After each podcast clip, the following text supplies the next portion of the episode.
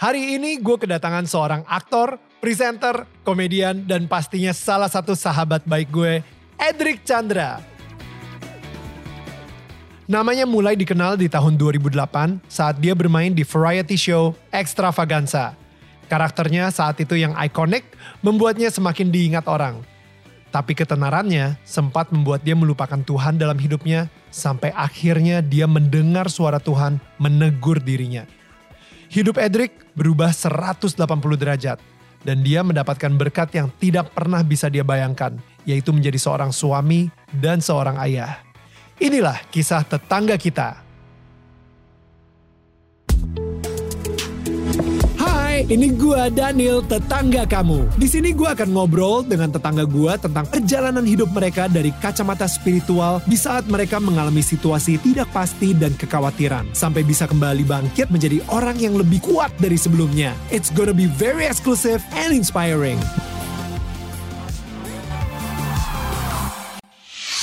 Alright, so langsung aja without further ado ini dia Edric Chandra. Hey. What's up? Akhirnya ya, setelah sekian lama dulu kita nulis, gue sempat nulis mau nanya apa sama Daniel gitu kan. Sekarang akhirnya akhirnya juga Bener. datang. Bener-bener. Dan dan actually sebelum itu pun juga sebenarnya gue udah ngundang lo gitu kan.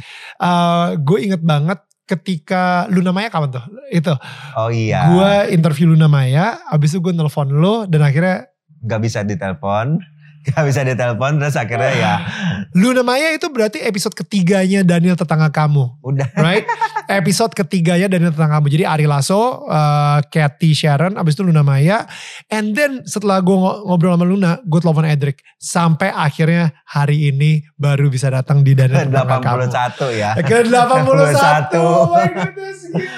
Tamu ke 81. So Drake, Yes. um, gua kita kita semua udah tahu kalau misalnya you know uh, lu di extravaganza. Hmm. Nah, tapi mungkin yang kita belum tahu adalah ketika lu lahir um, masa kecil lu tuh seperti apa? How's your journey um, dari lu lahir berapa belas tahun yang lalu uh, Berapa sampai puluh tahun ya. Gak enak ngomong berapa puluh tahun yang lalu kan berapa belas tahun yang lalu gitu kan um, di Sunter ya apa di Dulu ya pokoknya gue lahir di Jakarta. Ya. Gue lahir di Jakarta. Terus gue eh, masa kecil gue itu ya standar sih kayak anak-anak biasa gitu ya. Gue kayak anak-anak Chinese pada umumnya ah, I anak-anak think Cina. lebih ke Iya. fokusnya ke situ sih Karena gue dari kecil di penabur. Pokoknya gue sekolah di di sekolahan penabur itu dari TK, SD, SMP, SMA tuh di penabur semua. kayaknya. lu udah lucu belum saat itu gue kayaknya nggak ngerasa lucu sih. Cuma gue dari dulu tuh emang anak yang paling uh, uh, doyan tampil. oke Doyan tampil. Jadi gue bisa nih di dulu kelas 6 gitu di pelajaran IPS lagi nggak ada uh, gurunya lagi selesai selesai uh, ngajarin terus pelajaran kosong daripada orang-orang ribut gue bisa kemaju ke depan terus gue mau nyanyi. Bu saya mau nyanyi. What? Di pelajaran IPS sepede itu? Oke sepeda itu dan lagunya yang gue nyanyiin adalah zaman dulu tuh gue inget banget uh, Lemon Tree oh. Di mana orang gue juga nggak tahu lagunya gue nggak hafal liriknya cuma gue sering denger lagu itu aja gue pengen pengen nyanyi aja. I'm sitting here in a boring room. Iya Oke. itu. Itu. Wow. Dan lu tau gak kalau misalnya ternyata penyanyi Lemon Tree itu itu ada kira-kira tinggalnya satu jam dari kampungnya Viola di Jerman. gue juga baru tahu. dan lu tadi kemarin ketemu sama dia gitu Gak juga, gak juga. kirain lu Gue juga gak tau nyanyi siapa. iya si Lemon Tree itu Oh my nyanyi oke. lagu, lagu itu tuh di jam IPS loh ini Wait, bukan jam Ketika lo, maksudnya gini, bokap nyokap Chinese, Mm-mm. Pasti pengen anaknya itu uh, punya toko. Oke. ya punya usaha lah punya usaha. bisnis Ah, gitu kan punya dan lain-lain. Nah, em, bokap nyokap lu sendiri tuh seperti apa sih Nggak ada. ngelihat lu tampil dan lain-lain kayak gitu? dia kayaknya ngerti ya kayak dulu dari dulu kayaknya dia ngerti bahwa gue itu memang suka tampil karena eh, setiap acara sekolah itu gue jadi MC Oke. mulai dari 6 SD loh Wow. jadi oke. kalau acara sekolah itu gue suka MC mungkin mereka juga ngurang-ngurangin budget ya biar nggak nggak manggil MC atau apa jadi anak-anaknya diperkaryakan Ya. nah salah gue itu salah satunya diperbudak lebih tepatnya. Iya, sampai ke eh, acara perpisahan pun gua yang MC gitu. Wow, oke. Jadi gua yang seperti itu. Tapi itu dulu cuma MC MC yang kayak biasa-biasa aja karena kan cuma teman se angkatan doang gitu. Nggak, lu nggak punya kakak kelas atau adik kelas gitu. Jadi teman seangkatan lu doang. Jadi Hmm. gua masih oke. Oke, jadi pas begitu masuk ke dunia entertainment itu lo eh, posisinya umur berapa dan maksudnya eh, Oke. lebih ke MC atau lebih ke nyanyi gitu? Jadi dulu awalnya, awalnya gua tuh eh, ya dari kelas 6 SD itu gue udah mulai nge-MC gitu. Tapi nge-MC-nya cuma sekolah, acara sekolah. Terus eh, abis gitu semua acara sekolah itu gua gua habek semua tuh. Misalnya ada lomba cerita Betawi, gue ikut. Padahal lomba cerita Betawi ya, orang juga nggak tahu tuh cerita apaan, gue ikut. Terus lomba paduan suara, gue ikut. Pokoknya yang berbau seni itu gue pasti ikut. Nyokap selalu ngedukung juga.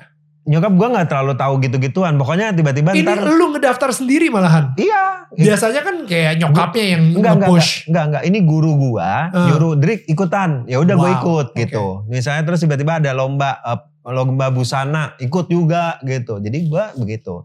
Nah, terus sampai satu titik gue itu kuliah. Gua kuliah di Untar. Untar ya, ini Cina banget kan. gue udah kayak Pak Penabur, terus akhirnya kuliahnya di Untar. Wow, gue udah benar-benar kayak wow. Tapi Lengkap Untar. Iya itu udah benar-benar kayak mendarah daging ya. Iya, iya.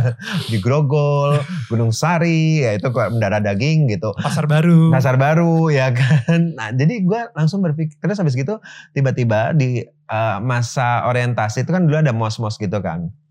Di mos ini kakak kakak eh, kelas gue itu udah kayaknya udah tahu nih, nih orang nih kayaknya eh, Tampil nih. tampil banget nih gitu. Gue selalu jadi bulan-bulanannya mereka tuh. Eh Drik maju Drik, Drik maju Drik. Akhirnya gue itu diangkat jadi salah satu anggota BEM waktu itu di kampus. Wow. Abis gitu kampus ini punya acara. Acaranya adalah pentas seni. Wah siapa nih MC-nya nih? Drik lo MC. Ah gue takut ah gue masih anak baru kan. Gue bilang gitu gue masih anak baru ntar gue salah lagi. Junior gini-gini. Gak udah lu nge-MC aja. Gitu. Akhirnya gue nge-MC.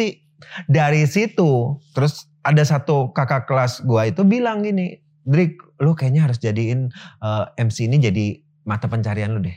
Lu harus nge-MC beneran gitu. Terus gue berpikir dari situ gue ya juga ya. Jadi gue gue coba deh. Nah gue coba tuh. Akhirnya gue coba pertama awalnya di eh, event organizer. Hmm. Event organizer gue sebagai event organizer.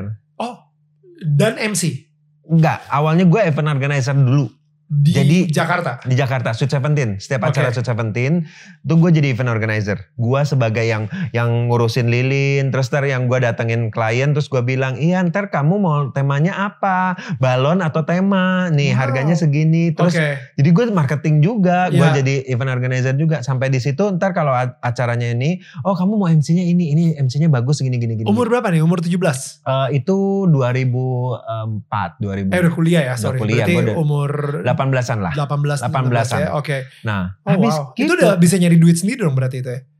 dulu mah dibayar dibayar dari IO itu mah cuma eh, nggak dibayar gua di IO itu. Lah. Gue cuma cuma bantuin doang. Oh. Jadi masih oke. belum ada bayaran yang gimana gitu. Ya cuma disuruh bantuin ya udahlah gua pikir gua ngebantuin dan gue juga nggak ngapa-ngapain kan gitu. Abis gitu tiba-tiba one day ini gua nggak tahu emang rencananya Tuhan. Eh gua lagi IO di Putri Duyung tuh ingat banget gua Putri Duyung Cottage. Gua lagi IO di situ yang MC cuma satu orang. Terus dibilang MC-nya bilang begini, eh Drik lu temenin gua MC yuk sini. Gak apa-apa belajar-belajar aja. Gak dibayar gak apa-apa kan Drik? Oh ya udah deh. Karena gua udah sering ngeliat orang-orang MC dan gua udah tahu pakemnya Sweet Seventeen kayak gimana. Karena Sweet Seventeen itu kan sebenarnya pakemnya cuma itu doang ya. Jadi dari tahun 2004 itu sampai sekarang juga pakemnya sama. Jadi ya udahlah, gua MC deh. Gua bilang ya udah gua MC deh gitu. Dan dari situ kliennya tuh seneng banget.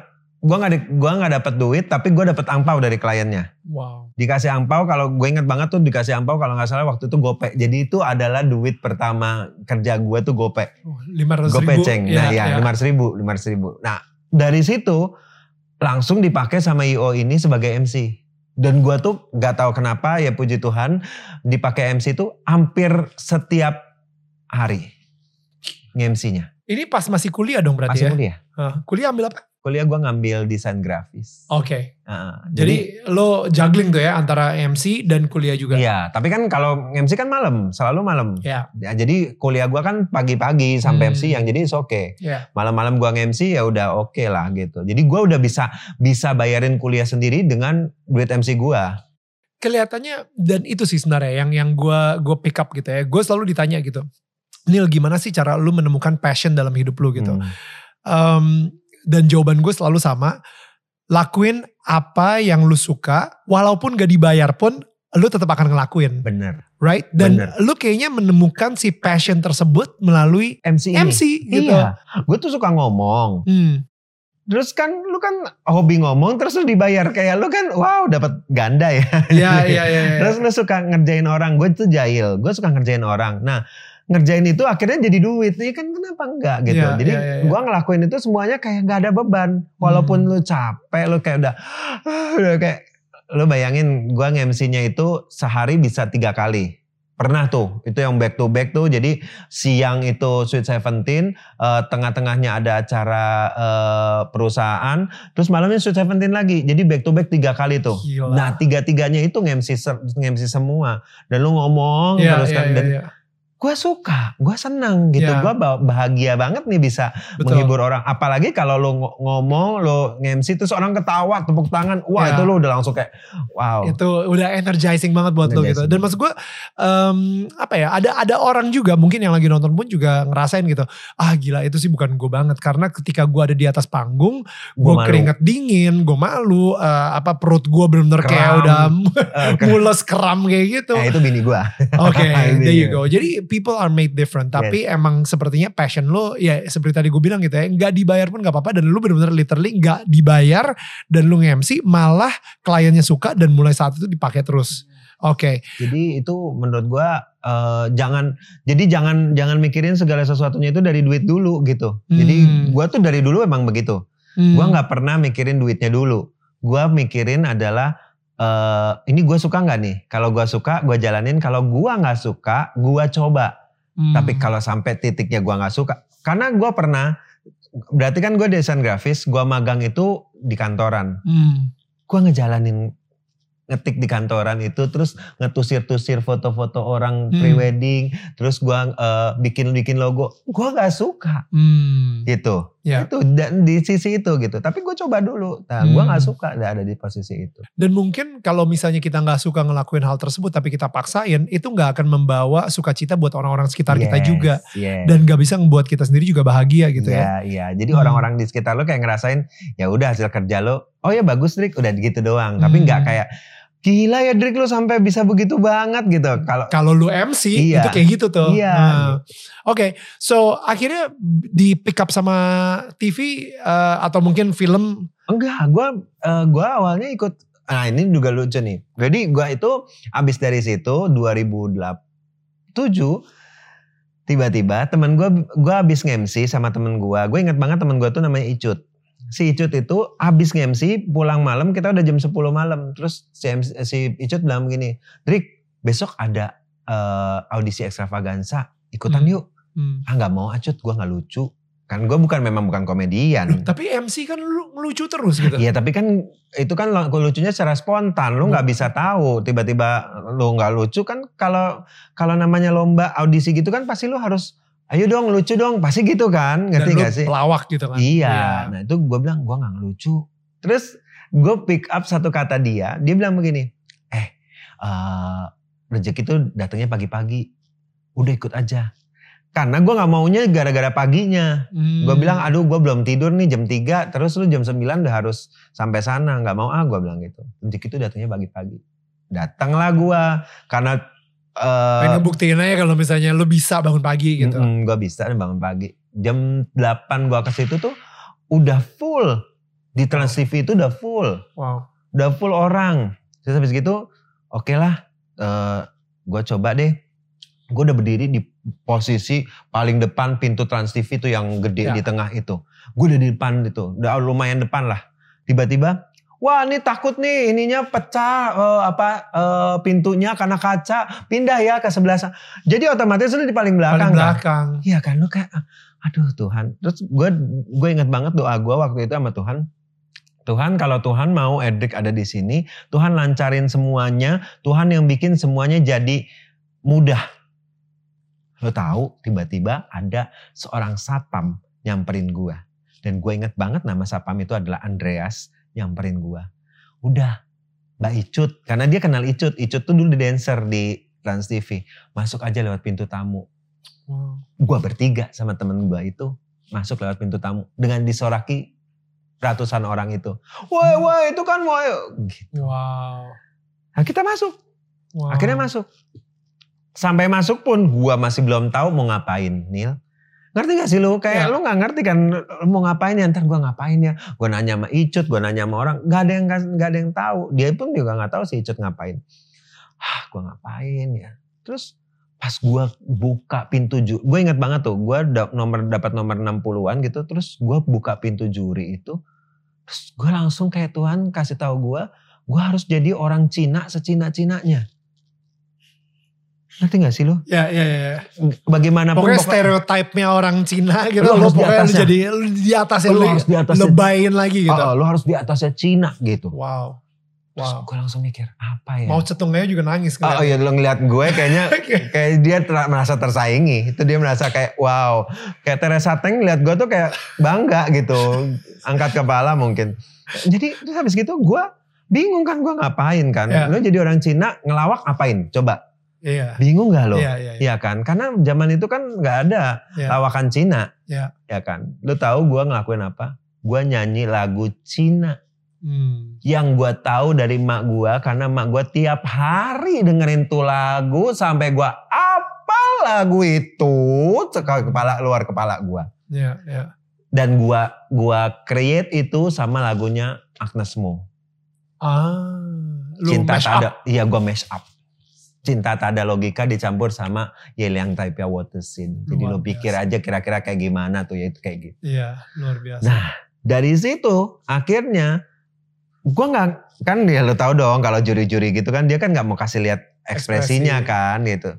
Ini orang-orang pada suka gak sih gue becina-cina begini ntar dipikir gue rasis banget nih gue Cina banget gitu kan. Semuanya diem. Iya makasih ya gitu. Abis gue keluar itu tuh semuanya ngakak. Gue nggak tahu itu gila nih orang. Jadi gue gua lihat rekaman setelah dia ini. Oh, oke. Gue gue lihatnya setelah lama. Setelah berapa Oh, bulannya. iya. Terus, terus, terus udah, habis gitu. Ini juga kejadiannya bener-bener lucu banget nih. Habis selesai itu, gue harus nge-MC loh Nil. Oke. Jadi hari itu gue audisi, hari itu juga gue mesti nge-MC jam 7 malam. Sedangkan jam 6 sore itu dia masih belum selesai. Dan gue dikasih tahu, eh lu masuk ya ke eh, babak kedua. Bingung gak lo? Ini lo antara milih harus nge-MC, MC atau balik ke babak keduanya. Ah, ya, iya ya. kan? Ya gue udah sampai jarak ke sini, gue pengen masuk babak dua sih Tapi lu harus profesional juga kan. sebagai MC. Jadi gimana tuh? Terus akhirnya gue bilang begini, eh boleh gak sih gini deh gue datangnya telat atau eh, orang lain dulu deh yang eh, yang opening gitu. Gue bilang gitu, gimana menurut lo? Dibilang gitu. Terus habis gitu, eh, oh ya udah eh, cepetan ya Drik. Jam 6 tank itu masih belum selesai. Terus gue bilang gini sama eh, sama IO-nya. Bukan sama IO-nya, sama si jurinya ini. Hmm. Mbak maaf, kita berdua mesti ada acara, tapi kalau Hmm. memang nggak bisa ya nggak apa-apa gitu. Cuma cuma kasih tahu aja gitu. Oh iya, sorry nih, juri-juri yang lain mesti sholat maghrib. Waduh, tambah pusing lagi. Gua udah jam jam 6 lewat, sholat maghrib setengah tujuh. Terus tiba-tiba si yang juri ini keluar. Eh, kalian bertiga ada yang nggak sholat maghrib nih, masuk aja dulu. Hmm. Kalian audisi dulu, karenanya mau pergi kan. Akhirnya kita audisi Wow. di saat itu. Di saat itu kita audisi, untung gua berpartner dengan teman gua itu yang udah lama nge-MC bareng. Si Iut ini. Icut. Eh Icut ini, sorry. Iya. Ya. Jadi kita udah tektokannya udah kayak lu udah kayak Iya. ngomong biasa aja. Iya, Jadi iya. kita disuruh eh, ngomong pakai gua suruh ngomong pakai bahasa Cina yang enggak yang enggak benar, maksudnya yang yang Ya, asal-asalan, tapi di translatein sama si Icut. Oh ya ampun, lucu banget. Dan itu benar-benar si Icutnya juga translate-nya lucu banget gitu. Jadi apa yang gua ngomong pakai bahasa Mandarin terus di translate dengan lucu dengan si Icut. Jadi akhirnya mereka tuh ngerasa itu adalah sesuatu yang oke banget, Orisinal juga. gitu. orisinil. Karena kan yang selama ini or gue berani jamin dari kuota orang delap sehari itu 200 orang, mungkin yang ngomong pakai bahasa Mandarin dan ngomong eh, ngebawain Cina itu cuma gua. gitu. Jadi itulah salah satunya, yaitu karakter yang gua buat sendiri karena Oke. Tuhan yang nyuruh gua begitu gitu. Akhirnya gua baru tahu bahwa dari eh, 4.000 orang kepilih cuma 4. Tapi Icut nggak kepilih. Tapi nggak sampai di situ juga. Tiga bulan berikutnya, tiga bulan berikutnya itu ada struggling kalau oke nih abis ini ada dua orang lagi yang keluar dari empat orang. Dan gua itu masih belum kuat menurut dia karena lu belum punya sesuatu Drik waktu itu tuh. Lu tahu triggernya adalah gua dikasih peran bencong. Jadi gua inget banget gua dikasih peran bencong lawan main gua adalah eh, Mas Adi Bing Slamet. Ini di extravaganza nih. Di Lu udah udah di extravaganza nih Udah di sekarang. ya? Tapi emang per- eh, karakternya belum kuat gitu saat belum itu. kuat, udah mau dikeluarin. Ibaratnya ini tiga bulan udah mau dikeluarin. Dikasih peran itu. Dikasih peran itu langsung gua tuh kayak slek gini. Bencong banget nih orang. Wow ini kayaknya keduanya Aming nih gitu. Jadi langsung slek gitu. Abis dari situ dikasih metro eh, extra singwen. Extra singwen itu jadi eh, Cici Cina bawain bahasa Mandarin. Itu yang bikin gua langsung Oh, wow. Oke. gitu. Jadi itu itu adalah awal mulanya orang bikin gua jadi eh, tahu gua tuh gara-gara itu. Hmm, ketenaran lu itu justru meletaknya di situ Gara-gara gitu. meletek iya itu gara-gara extra singman itulah. Hmm. Extra singman itu yang bikin bikin gua jadi bener-bener orang itu eh itu lucu banget tuh orang gitu sampai begitunya gitu. Dan orang sampai di survei sama mereka itu eh coba sebutin eh, dua orang dua orang baru di extravaganza yang kalian kenal. Itu cuma gua sama Omes yang mereka kenal sebut. Hmm. Wow. Jadi zaman dulu tuh begitu awalnya tuh. Jadi seseorang yang udah mau dikeluarin, Ya. terus tiba-tiba dapat sesuatu yang gak jadi dikeluarin, Ya. cuma gara-gara satu peran itu. Nih, sorry ya, gue eh peran yang membawa lu tenar, itu kan lu harus berpakaian wanita, Yes. ya kan? Jadi harus bergaya, Zaman dulu itu ya. ya kan? Ha, zaman dulu itu. Tapi itu kan yang namanya peran itu akhirnya menjadi sebuah image, Iya. ya kan? Betul. Em, image itu akhirnya jadi melekat banget malahan Yes. malahan eh, kemarin itu yang ketika lu nanya di Instagram kira-kira dari ini bakal nanyain apa ya pasti ada lah ya kan yang yang mulai mengarah ke situ gitu Iya. nah eh tell me about that time gitu dan lu sendiri juga kayaknya dari sebelum sebelum di extravaganza lu udah mempunyai kedekatan dengan Tuhan atau keintiman dengan Tuhan yang cukup Enggak belum. lu tapi lu udah bisa doa habis itu ngedengerin Tuhan kayak Belum.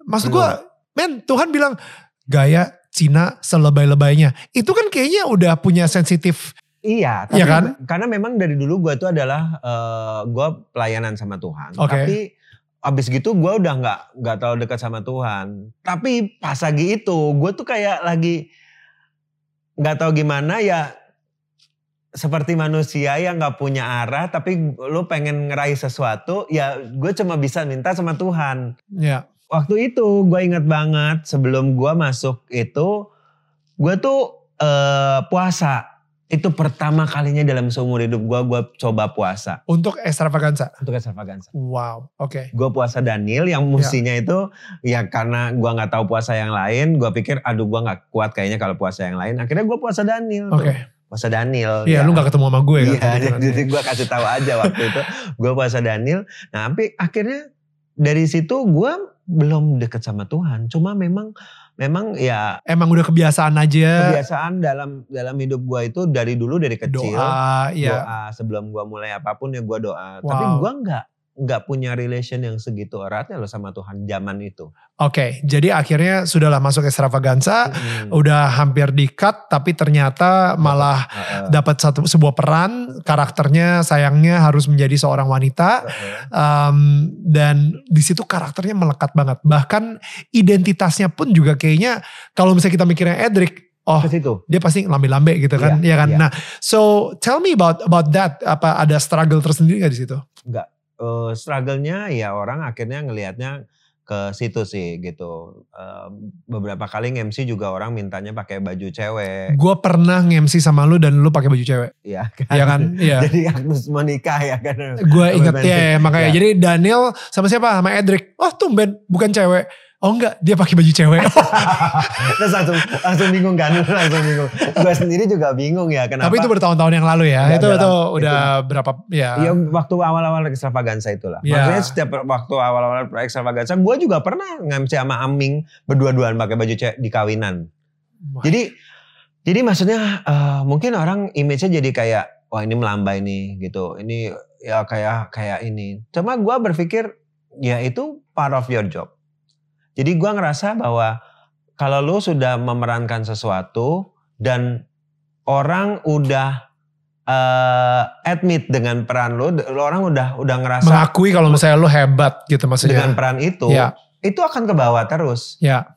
Kayak ibaratnya misalnya em, Didi Petet eh, dengan Emon, Emon. gitu gitu atau misalnya dengan eh, yang peran-peran seperti itulah. Jadi itu pasti udah ke bawah. Padahal sebenarnya generally orangnya nggak begitu gitu. Hmm. Cuma itu udah ke bawah dan menurut gua ya udahlah gua juga nggak bermasalah dengan itu. Hmm. Gua waktu itu gue juga ah ya udahlah orang ngerasa gua ngondek ya udahlah gitu ya. It's okay. Maksudnya di tapi di circle lu sendiri itu itu kan ada sedikit ekspektasi juga gitu kayak uh, you know uh, apa nih keluarga atau no no no no.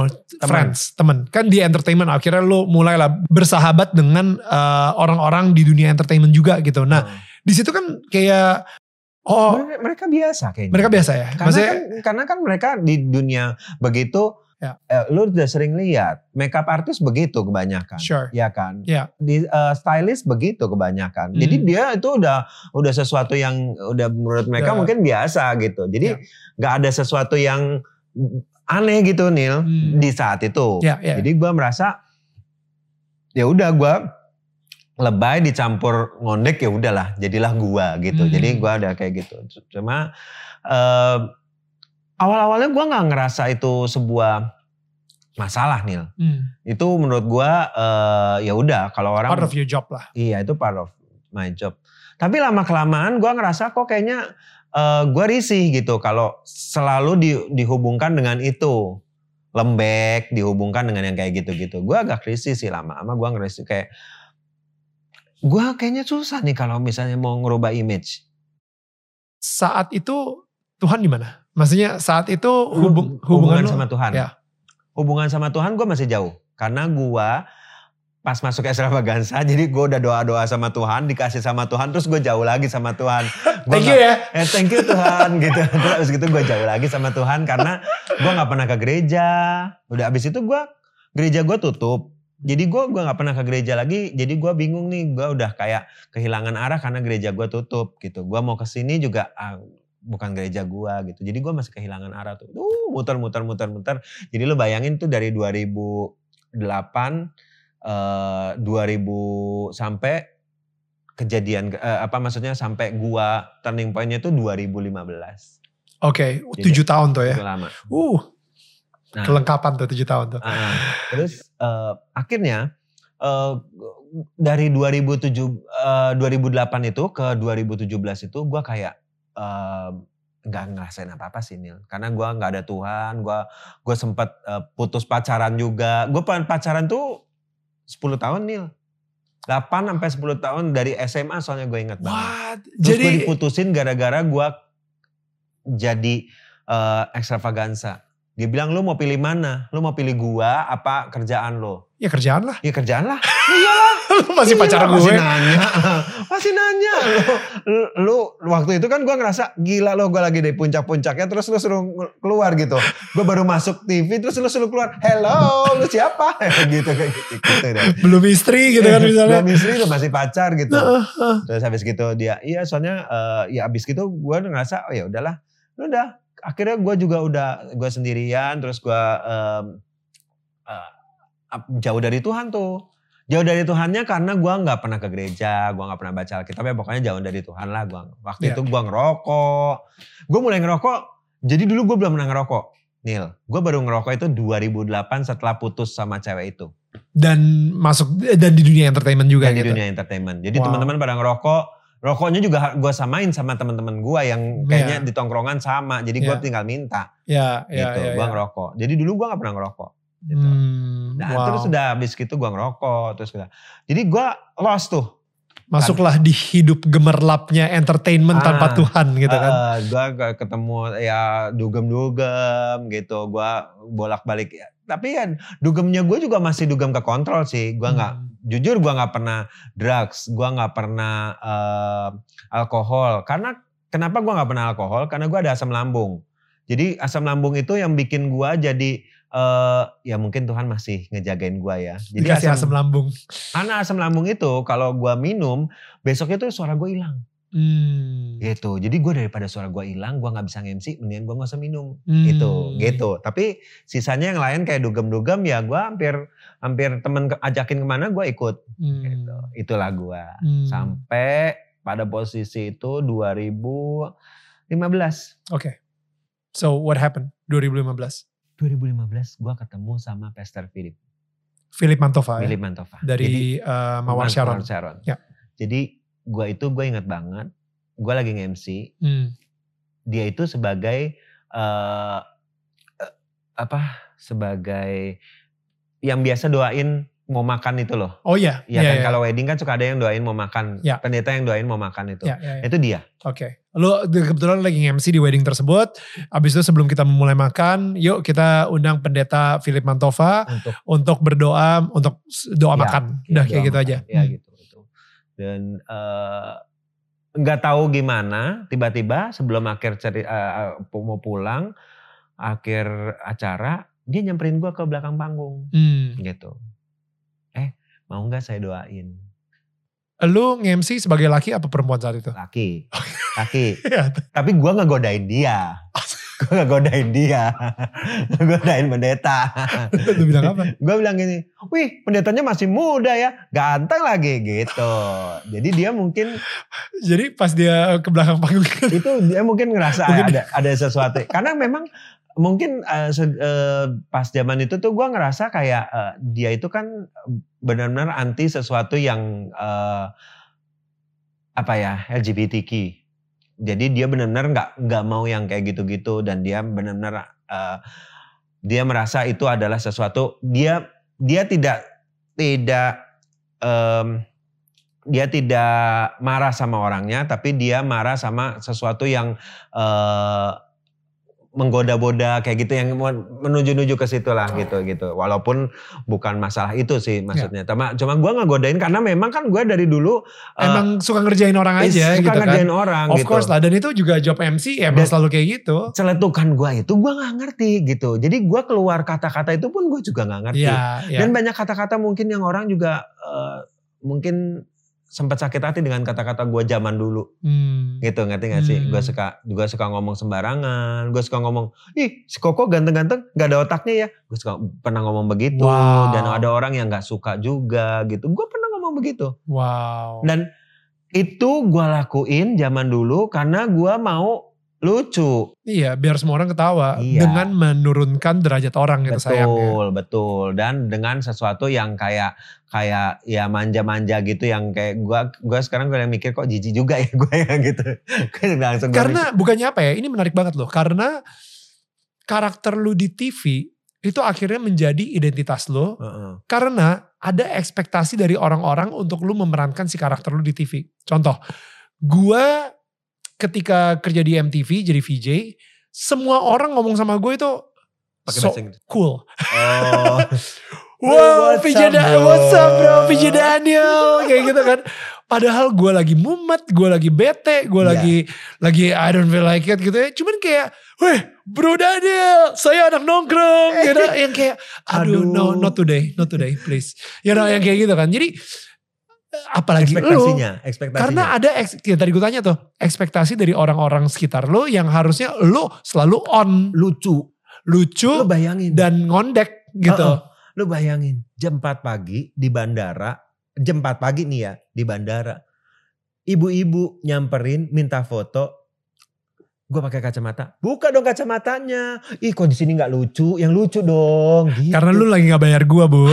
jam 4 pagi lo bayangin. Lo kan tahu ya kalau flight Iya, pagi jam 4 iya, pagi iya, zaman iya. dulu masih belum ada masker. Kan stres ya digituin Iya, ya. lumayan, Terus gue lumayan. pernah juga pas lagi MC ditabok orang, mau ditabok orang pernah. Gara-gara? Gara-gara gua, nah ini, gua itu MC pakai bahasa Mandarin. Eh, Hmm. gua MC itu eh pakai eh gua kan dulu kan kalau di extravaganza itu sering pakai bahasa Mandarin yang asal-asalan. Ya. Nah, em, akhirnya gua MC sama jengkelin Hmm. dengan temanya dia jadi jengkelin. Hmm. Jadi gua berpikir di situ gua komedi banget. Hmm. Salah satunya gua juga ngomong pakai bahasa Mandarin asal-asalan itu. Ya. Taunya ada orang yang nggak suka. Kenapa? Karena dia ngerasa dia dipermalukan. Bahasanya itu dipermalukan. Oh. Karena ya dipermalukan gitu. Wow. Karena karena lo melecehkan bahasa Mandarin. gitu. Mandarin Ya. itu gitu. Gua gua langsung bilang, ya minta maaf sebelumnya, gua minta maaf karena gua nggak tahu dan tapi gua tahu itu artinya nggak ada yang gua ngomong. Ya, bukan kata-kata kotor Bukan juga. Kata-kata kotor juga karena gua sedikit banyak gua tahu Mandarin. Lu bisa bahasa Mandarin? Gak bisa gua bilang gitu. Tapi gua tahu apa yang gua ngomongin itu bukan itu karya gua sendiri aja. Gua bilang gitu. Terus tadi gua udah pengen tampar lo loh dibilang katanya. Karena lu udah melecehkan itu. Gua Wow. ngerasa di, di dipermalukan apa gimana? Oke. Terus gua langsung berpikir kalau dia dipermalukan berarti gua mempermalukan diri gua sendiri sebenarnya ya. Karena kan gue Cina juga. Gue Cinanya totok loh, bukan Iya, Cina iya, biasa iya, loh. iya, iya, iya. Mak gue Cina, bapak gue Cina banget. bapak gue malahan nenek kakek gue tuh aslinya benar-benar dari Cina. Suk datang gitu. Datang ke Indonesia. Heeh. Wow. dari Wow. provinsi wa- eh, dari provinsi apa lagi tuh ya? Gue pikir lu bakal ngarang juga. Enggak. Iya. dari provinsi itu dia langsung datang ke China. Jadi Ah, gue benar-benar Cina banget sebenarnya. Jadi ekspektasinya eh, gua itu karena orang tahu gua di extravaganza ngomong Mandarin secara Lucu. eh, Iya. lucu dan itu kalau gua ngomong bener jadinya nggak pasti nggak lucu. Iya. Iya kan? Iya. Kuang cuman Ni saya cuma mingce. Gak, gak, gak, Enggak, enggak lucu, Ya, enggak kan- lucu. Itu, Itu, benar-benar kayak serius gitu itu memang benar Ah. gitu. Nah kan Ya. kalau gue ngomong kayak ha sao wah gitu kan orang kan jadinya ngerasa lucu ngerti gak sih beda Iya, iya, beda iya. pelafalan aja langsung orang beda Iya, kan, iya, iya, benar, benar, benar. sedangkan bahasa Mandarin itu lo sedikit lafalnya beda aja lo langsung ngerasa itu kata-katanya berubah Dan itu maksud gue. Jadi kayak ada ketika lu lagi hangout sama temen-temen aja dari dunia entertainment. Dan ini gue ngomongin bukan temen-temen sahabat banget yang dulu. Enggak. Temen-temen aja. Mereka mempunyai ekspektasi itu kayak Harusnya lucu. Heeh. Harusnya ngondek. Heeh. Harusnya eh, ya Eh, pokoknya. lebay. set- ya lebay. Harusnya pesta kita nih eh, apa kita nongkrong berlima gitu ya misalnya. Kalau misalnya nggak hidup ya jangan pakai Edric nggak usah nggak usah kita nggak usah temenan lagi sama Edric. Ah, gitu. Ada nggak? Maksudnya kayak kayak gitu kan? Ada, ada, ada yang Ya kayak kan? gitu. Gua tuh sempat, tapi teman-temanan yang eh, biasa-biasa aja ya. Maksudnya kalau teman-teman gua yang lain-lainnya, memang menjadikan gua sebagai badut, memang. Iya. Jadi setiap ada acara apa, udah pasti si Edric udah pasti naik. Karena gue pengen tampil juga, Emang memang. lu nya suka juga suka gitu tampil ya. juga gitu. Jadi it's okay Hmm. gitu. Ah, gue gue pikir Jadi Filimanto, pendeta Filimantova ke belakang panggung doain nemuin gua. lo setelah digodain. dia bilang apa? Either setelah ya gua nggak tahu ya, tapi dia memang do- pengen doa gua- eh, pengen doain gua. Tapi sebelum sebelum itu, gua juga udah berdoa sama Tuhan. Tuhan, gua pengen balik sama Tuhan. Kenapa? Gua ngerasa lost. 2015 itu posisi lu Lagi oke. lagi oke kan? Lagi oke. Oh, Lagi oh enggak, gua sempet eh, 2015 itu gua sempet eh, nggak punya acara sama sekali. Extravaganza udah gak ada. Enggak, udah lama. Extravaganza itu gua keluar 2010. 2000 ya 2010 itu. udah Oh wow, jadi selama lima tahun. Tapi kan lu ada acara-acara Ada, tapi Ada ya. waktu itu nggak ada acara TV lah. sama sekali. Tapi nge-MC Tetap jalan. lu lu adalah MC yang paling terpopuler di Surabaya gitu maksud gue. Iya, Jadi tapi- kayak Tapi lu kayak waktu itu tuh lu nggak ada acara TV gitu. Sedangkan gua kan eh, kayak ngerasa eh fan eh, apa ya jendela gua itu dari TV. Karena Oke. lu nggak ada acara TV, lu kayak ngerasa ya udahlah berarti lu nggak belum Ya. lagi lagi nggak ada acara lah pokoknya waktu saat tapi gue lagi tuh gue ngerasa lost banget Nil Oke. saat itu gue ngerasa lost banget gue kayak ngerasa Tuhan gue mesti ngapain sih Tuhan gitu Secara tujuan hidup gue tuh apa sih Tuhan Hmm, hmm, nyari purpose ya. Kayak iya gue terkenal. Iya, Iya. orang-orang pada tahu gue Edric Chandra. iya Di bank gue duit ada, Ada. gitu. Karena gue nge-MC di Surabaya terus gitu kan. duitnya nggak ada loh Nil Oh duitnya gak ada? duitnya nggak ada lo bayangin bisa? gue seboros itu gue seboros itu ya maksudnya ya bukannya Iya. nggak ada sama sekali tapi maksudnya bukan yang lo pikir kayak kayak orang-orang Iya ya. IO bilang oh lu pasti udah punya rumah banyak ya Drik ya dengan dengan rutinitas rutinitas lo kerja begitu lo pasti punya ini banyak ya Drik ya aset banyak Borosnya kenapa? gue boros gue tuh bisa beli semua barang yang gue mauin dalam waktu hari itu juga Wow. lo eh, ya Dan eh, branded. lo bisa say it lah apa pun tas tas ibu-ibu yang ratusan juta itu itu gue beli dengan ukuran paling gede Why? ya nggak tahu gue pengen aja Kan- Enggak, apakah lu, maksudnya itu pride, ego, maksudnya kayak lu Dulu pengen mamer, mungkin, lu dulu. pengen, dulu mungkin ya kan eh, sebagai ini gue pengen ngerasain kayak eh, punya tas LV atau Hermes atau apa gitu lu pengen punya kayak gitu gitu Ya. ngerti gak sih lah akhirnya kebablasan jadi semuanya harus branded nah itu akhirnya. Terus gue kalau keluar negeri itu gue harus spend ratusan juta hmm, untuk keluar negeri sendiri. Hmm, entah beli apaan Nil gue bisa beli hal-hal yang nggak penting. Misalnya gue tiba-tiba ah gue pengen beli ginian nih ini Hmm. pada harganya berapa itu gue beli. Hmm, gitu akhirnya Hmm. seperti itu. Tapi gue yang gue lost itu adalah gue berasa kosong sih waktu itu. Wow. kosong banget. Jadi gue akhirnya gue bilang sama Tuhan Tuhan kok berasa kosong? Gimana nih Tuhan? Gitu Dan akhirnya di tahun 2015 itu uh, ketika lu lagi MC, Heeh. um, kebetulan pas doa makan uh, pendeta Philip Mantova yang doain, terus gue itu pun juga lu nggak pikirin lah saat itu ya. Nggak- Lu benar-benar kayak nggak ya dipikirin. godain dia aja ya gitu udah segala. ya Jess. karena karena temen MC gue itu kenal sama Pastor Philip gue nggak kenal Oke. Tuh kan Rick, ganteng kan? Iya ganteng. Ya kan jadi masih bisa begitu. Iya, jadi iya, itu iya. kan sebenarnya di, Oke. eh, TikTok di atas eh, panggung. Cuma ya akhirnya dia doain gua, langsung gua nangis. Gua ngerasa Backstage. di backstage itu gua langsung nangis. Gua bilang, kok gua ngerasain Tuhan? Gua bilang gitu. Dia Oke. ngedoainnya apa lu masih inget gak? eh untuk untuk kembali dekat padamu. Uh. Dibilang gitu. Dibilang katanya. eh, terus gua ngerasa, oh iya Tuhan itu yang gua doain. Kok benar ya yang gua doain itu kayak kayak kayak dikasih Tuhan hari itu gua harus didoain yang sama seperti itu. Akhirnya gua nangis, gua nangis terus gua ngerenungin diri gua cuma sehari Hmm. besoknya gue udah biasa lagi nggak ada kayak nggak ada apa-apa. Gue nggak jadi lebih religius gue nggak jadi lebih baca Alkitab. Nggak nil. Beneran gue nggak jadi apa-apa. Udah tuh. That's it. Jalan. Sorry ini either gue agak lupa ya either 2014 atau 2015 pokoknya gue ingat banget. Udah. Selama gue jalan itu kalau nggak salah 2014 kejadiannya 2015 sehari sebelum Natal 24 Desember jam 4 pagi gue bangun. Gue duduk terus gue dengar suara. Aku tidak mengenalmu. Very loud and very clear. Crystal clear. In your in your ear. Bukan, bukan kayak gue gitu. Bukan. Bisikan hati, Nggak. bukan dari mimpi, Nggak. bukan dari Enggak, ini suara kencang banget. Dan gak ada siapa-siapa, gue cuma tidur sendiri. Aku tidak mengenalmu. Gue langsung kaget, gue langsung duduk diem. Diem lama gitu gue mikir.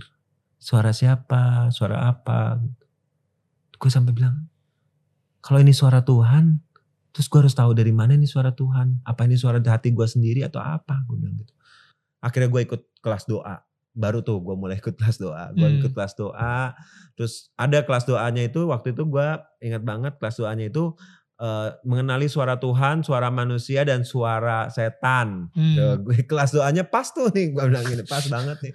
Terus gue nanya semua pendeta yang gue ketemuin termasuk Pastor Philip gue tanya gue bilang "Em, ini gimana gue harus apa gue ngalamin ini gue harus ngapain.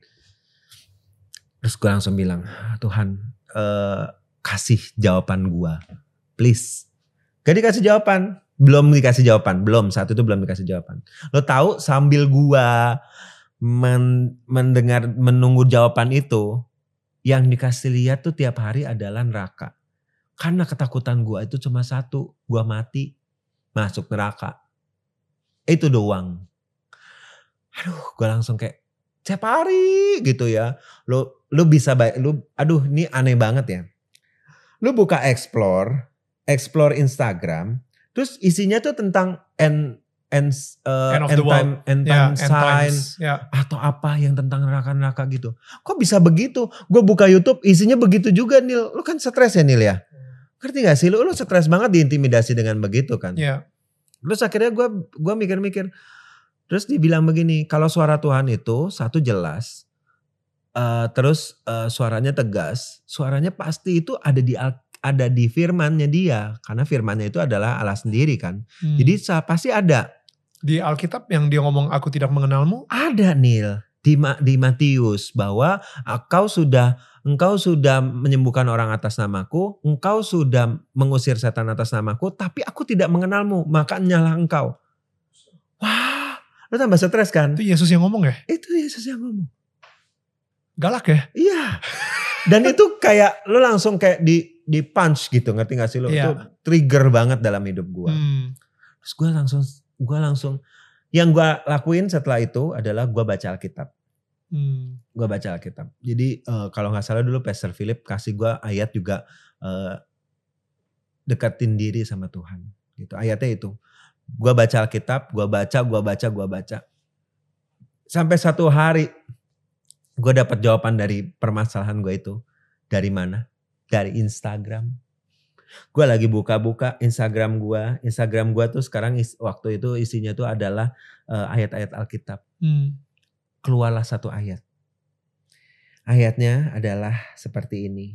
Ini gue ingat banget ayatnya itu gue sampai gua gua jadiin ini kesaksian karena Yohanes 1 ayat 1 itu dia bilang gini. Em, di dalam kasih tidak ada ketakutan. Kasih yang sempurna melenyapkan ketakutan sebab ketakutan mengandung hukuman dan barang siapa takut ia tidak sempurna di dalam kasih. Jadi itu gua baca itu di eh, ada satu terjemahan eh, yang TB, ada satu lagi terjemahan lainnya itu bilangnya itu kalau nggak salah bis kalau nggak salah terjemahan bis itu ngomongnya gitu tidak ada ketakutan akan eh, hari penghakiman. Uh. Yang itu gua banget gua tuh takut. Jadi gua takutnya itu cuma satu. Takutnya itu adalah gua mati hari itu gua langsung masuk neraka. Karena kata-katanya adalah nyala engkau. Aku tidak mengenalmu maka nyala engkau. Itu gua nangis nih. Gua nangis nangis nangisnya. Gua bilang Tuhan, Tuhan kenapa? Gua ini udah kenal Tuhan itu udah lama. Gua udah melayani Tuhan itu dari umur 12 tahun gua bilang gitu. Gue udah jadi guru sekolah minggu dari 12 tahun Tuhan. Tapi kenapa Tuhan gak kenal gue? Gue bilang gitu. Terus gimana caranya biar Tuhan kenal gue? Gue bilang gitu. Gue sampai setitik it- pada titik itu. Tapi dikasih ayat ini. Dan gue waktu itu udah gue udah lumayan dekat sama Tuhan. Itu gue langsung kayak rilis. Langsung Nil. Itu beban gue langsung hilang. Apa yang gue takutin itu gue langsung hilang. Gue sampai bilang, walaupun hari ini gue misalnya Tuhan panggil, gue pasti masuk surga. Wow. Gue ngerasa waktu itu tuh Tuhan. Jadi eh, di masa-masa waktu yang sebelum gue dengar suara itu, Tuhan lagi nge-build gue. Hmm. Nge-build hati gue untuk jadi siap untuk terima itu. Hmm. jadi gue ngerasa wah gue udah udah udah siap-siap gue udah apa gue langsung kayak gila ya dikasih bom begini ini yang gue berubah 180 derajat What a story. Guys, thank you for listening to this podcast. Tapi tenang, ini baru part pertama. Masih ada part selanjutnya. So biar kalian gak ketinggalan, yuk di follow dulu. Ingat ya, Daniel tetangga kamu.